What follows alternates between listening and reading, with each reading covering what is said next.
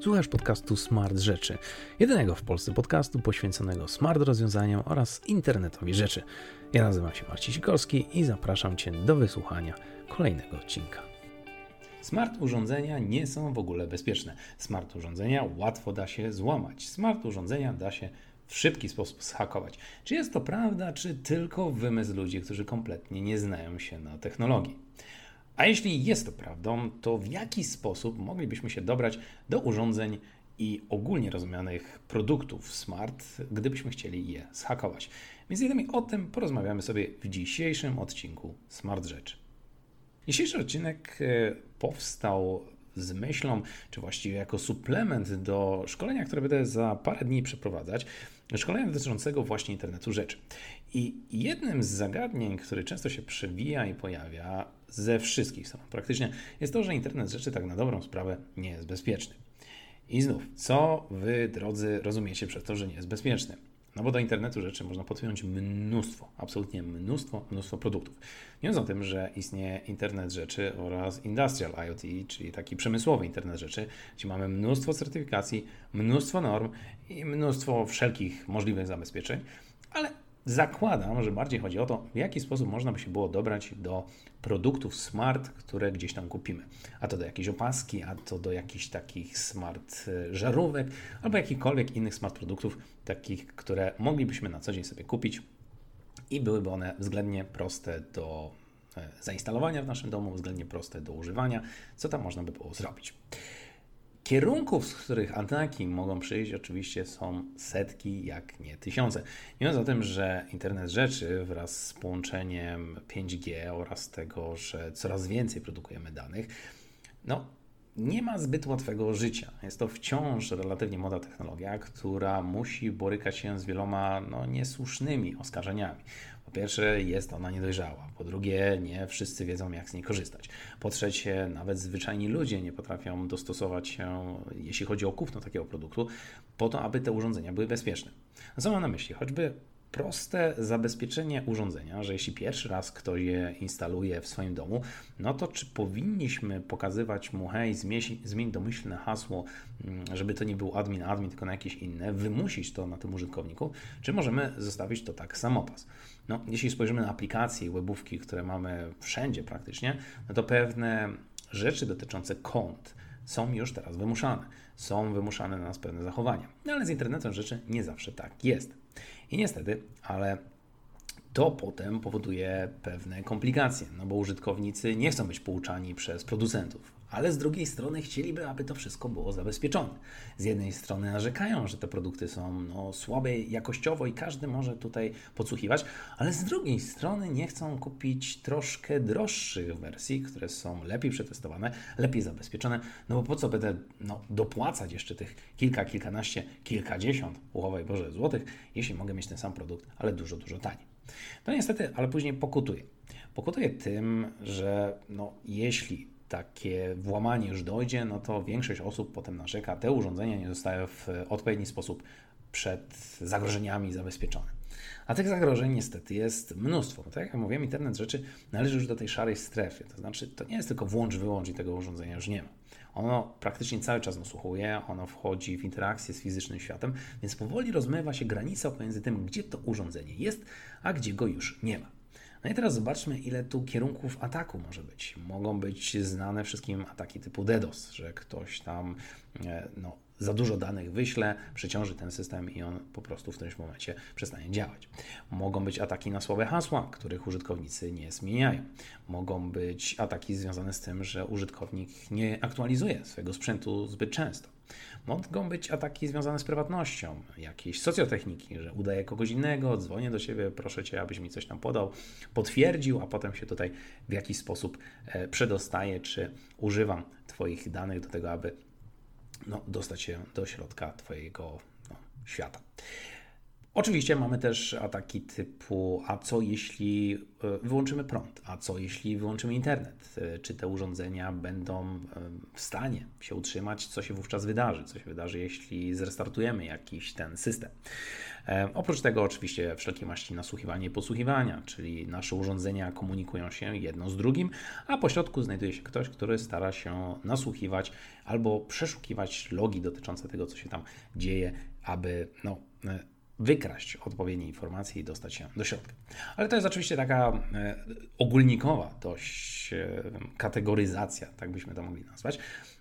Jakieś konkrety? No to konkrety mogą być choćby takie, że e, no, zbadano w Stanach Zjednoczonych kilka, kilkunastu najpopularniejszych producentów zwyczajnych żarówek. I co się okazało? Okazało się, że mimo, że siedziby główne znajdują się w Stanach Zjednoczonych, no to te siedziby współpracowały oczywiście z krajami trzecimi, jak choćby Chin. Dla jednych, jak usłyszą Chiny, to już ola Boga, bo na pewno ktoś chce nas nasłuchiwać, ale nie o to chodzi, bo zdarzały się tam też kraje trzecie z innych rejonów Azji, jak również i Europy. Natomiast chodzi o to, że to nie jest tak, że firma jedna, która mówi, to jest produkt nasz w 100% amerykański, markują to potem jako amerykański, tylko bierze w tym wszystkim udział, co za chwilę sobie zresztą usłyszycie. Kolejna sprawa to, jak dużo informacji taka smart żarówka wraz z aplikacją no, wymagała od samego użytkownika. Wymagała podania geolokalizacji, wymagała podania uprawnień do setek, no, zdawałoby się, zbytecznych informacji, jak choćby kontaktów, numerów telefonów, aparatu i mnóstwo, mnóstwo innych rzeczy. E, oprócz tego polityka prywatności większości żarówek, e, czy tych producentów żarówek nie istnieje. E, bardzo łatwo jest dokonać ataku, bo nie są one szczególnie mocno zabezpieczone. No mamy pewien zgrzyt i problem. Zgrzyt wynika z tego, że nawet na logikę taka smart w cudzysłowie żarówka składa się z kilku elementów. Elementy dotyczące fizycznego urządzenia, które najczęściej jest produkowane, a i choćby w Chinach, które ma w środku no, LEDy, ma w środku sensory, ma jakiś chip e, Wi-Fi, ma kontroler Bluetooth, ma wszelkie maści mikrokontrolery i mnóstwo innych peryferiów, które się tam znajdują. Oprócz tego potrzebny nam jest jakiś development firmware'u, który będzie utrzymywać albo być w stanie zrozumieć to, co ta żarówka robi. Tak? Zbieranie danych, wysyłanie danych, autentykacja, aktualizacja firmware'u, wszelkiej maści włączenie, wyłączenie, komendy, które możemy tutaj przekazywać. Dalej potrzebujemy platformy. Platformy, która będzie utrzymywać no, setki takich urządzeń, które my sprzedamy. Czyli musimy zbierać dane i metryki z mnóstwa tutaj urządzeń. Musimy dzielić się nimi, musimy je analizować i badać, co się aktualnie dzieje, czy ktoś ma problem i tak dalej.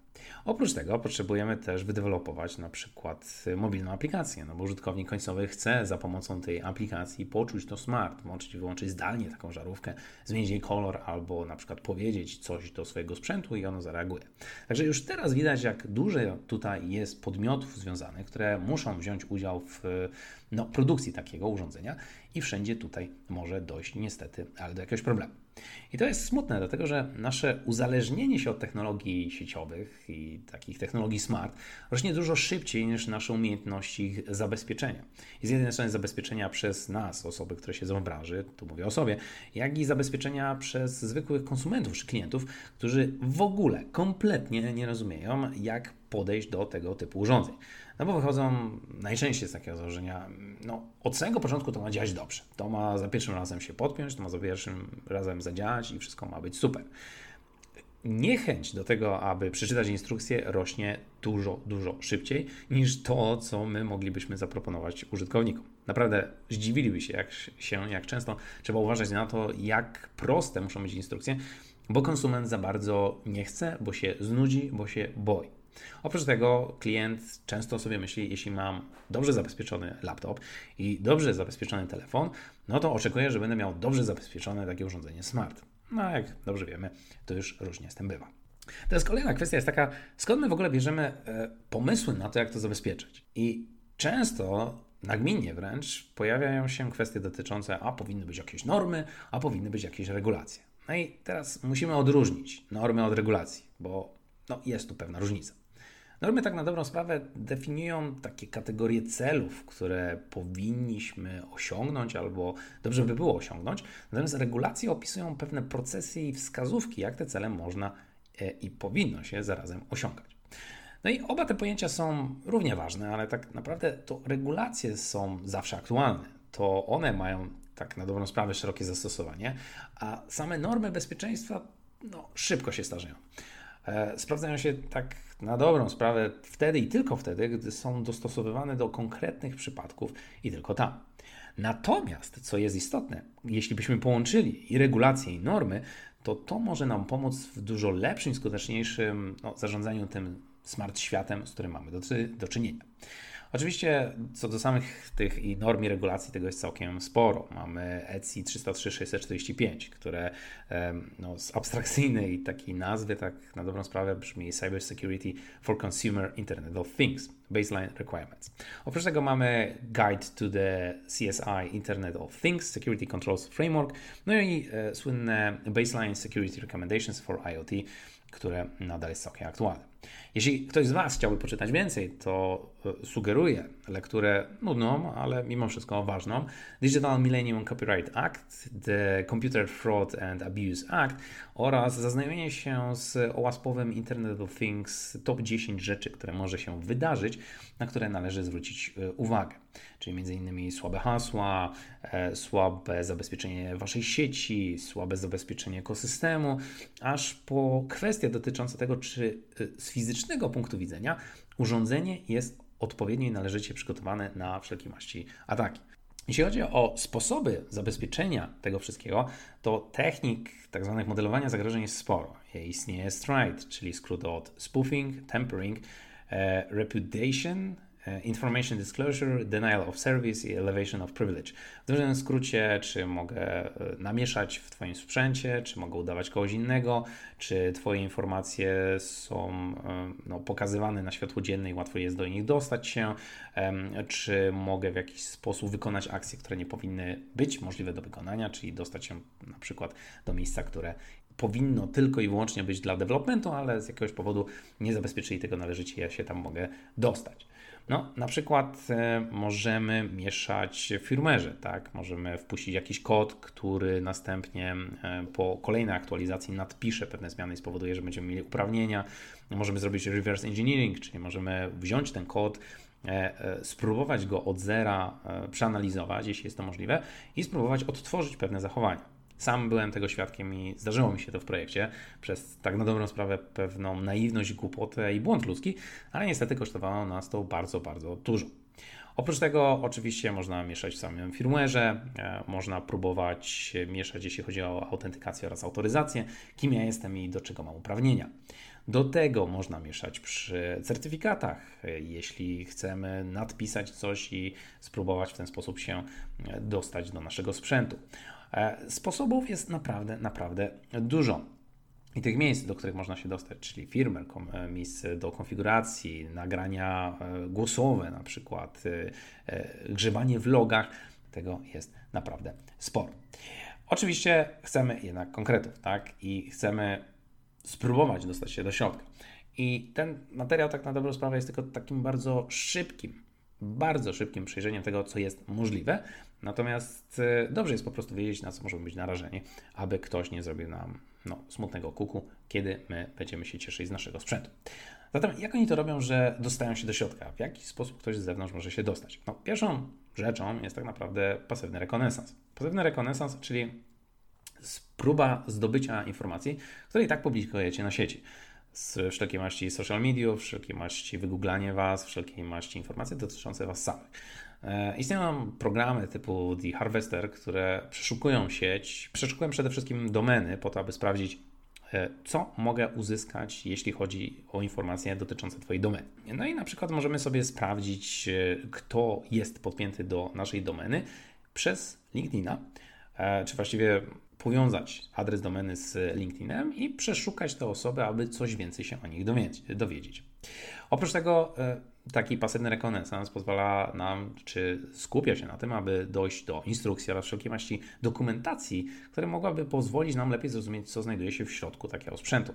Najczęściej sami producenci udostępniają takie dokumentacje, instrukcje obsługi w wersji poprzednich albo wersji, które gdzieś na rynku inne niż europejskim lądowały, więc łatwo można tam się dostać i poszukać, co się tam znajduje. Oprócz tego istnieje e, znak FCC, czyli Federal Communications Commissions, o którym już kilkukrotnie wspominałem i pewno nie raz jeszcze wspomnę. To jest ten mały e, znak, czy to logo FCC, które macie najczęściej w waszym sprzęcie elektronicznym, który łączy się w jakiś sposób z siecią.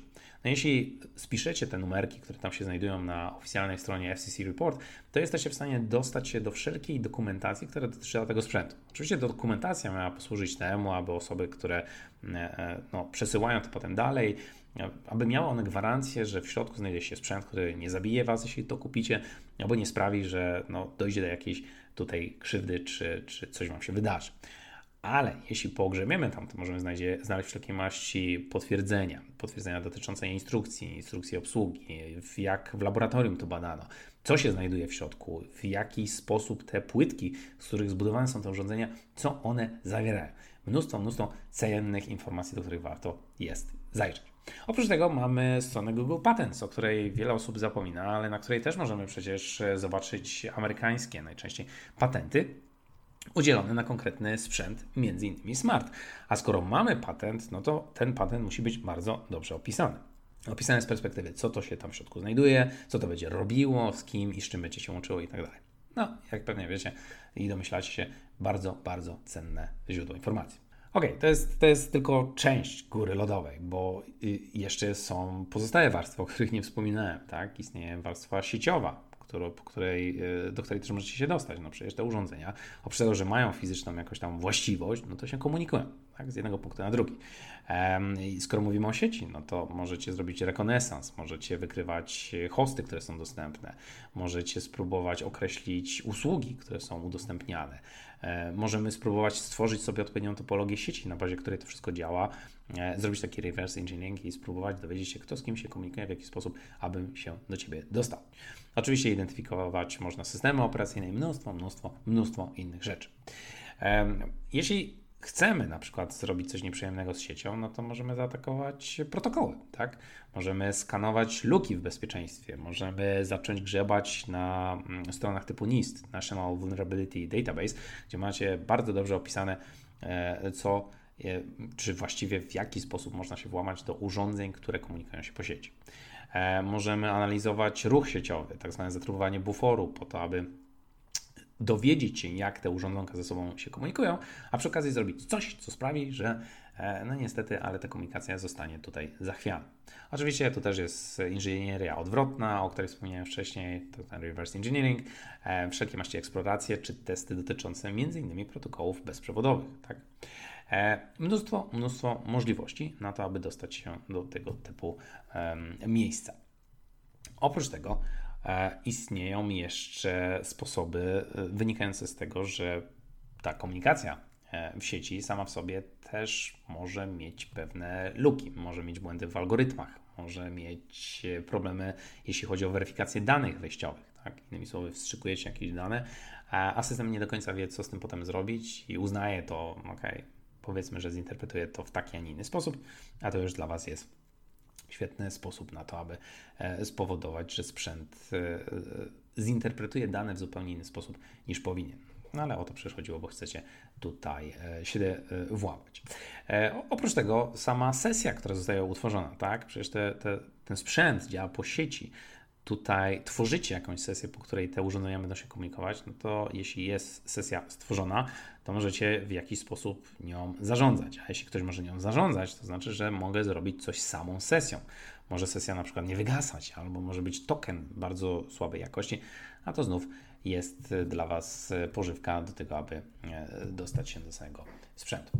Jako ciekawostka, tak a propos, e, ta te rzeczy, o których mówię, czy informacje, które Wam przekazuję, z różnych stron otrzymuję, jeśli chodzi o to, w jaki sposób ludzie na świecie starają się złamać e, produkty internetu rzeczy. I kiedyś e, pamiętam, że e, zacząłem zaznajamiać się nawet z tematyką internetu rzeczy, ale z perspektywy web, tego, co może się wydarzyć, jeśli ktoś postawi Wam odpowiednią platformę, tak, do której Wy jako użytkownicy macie dostęp.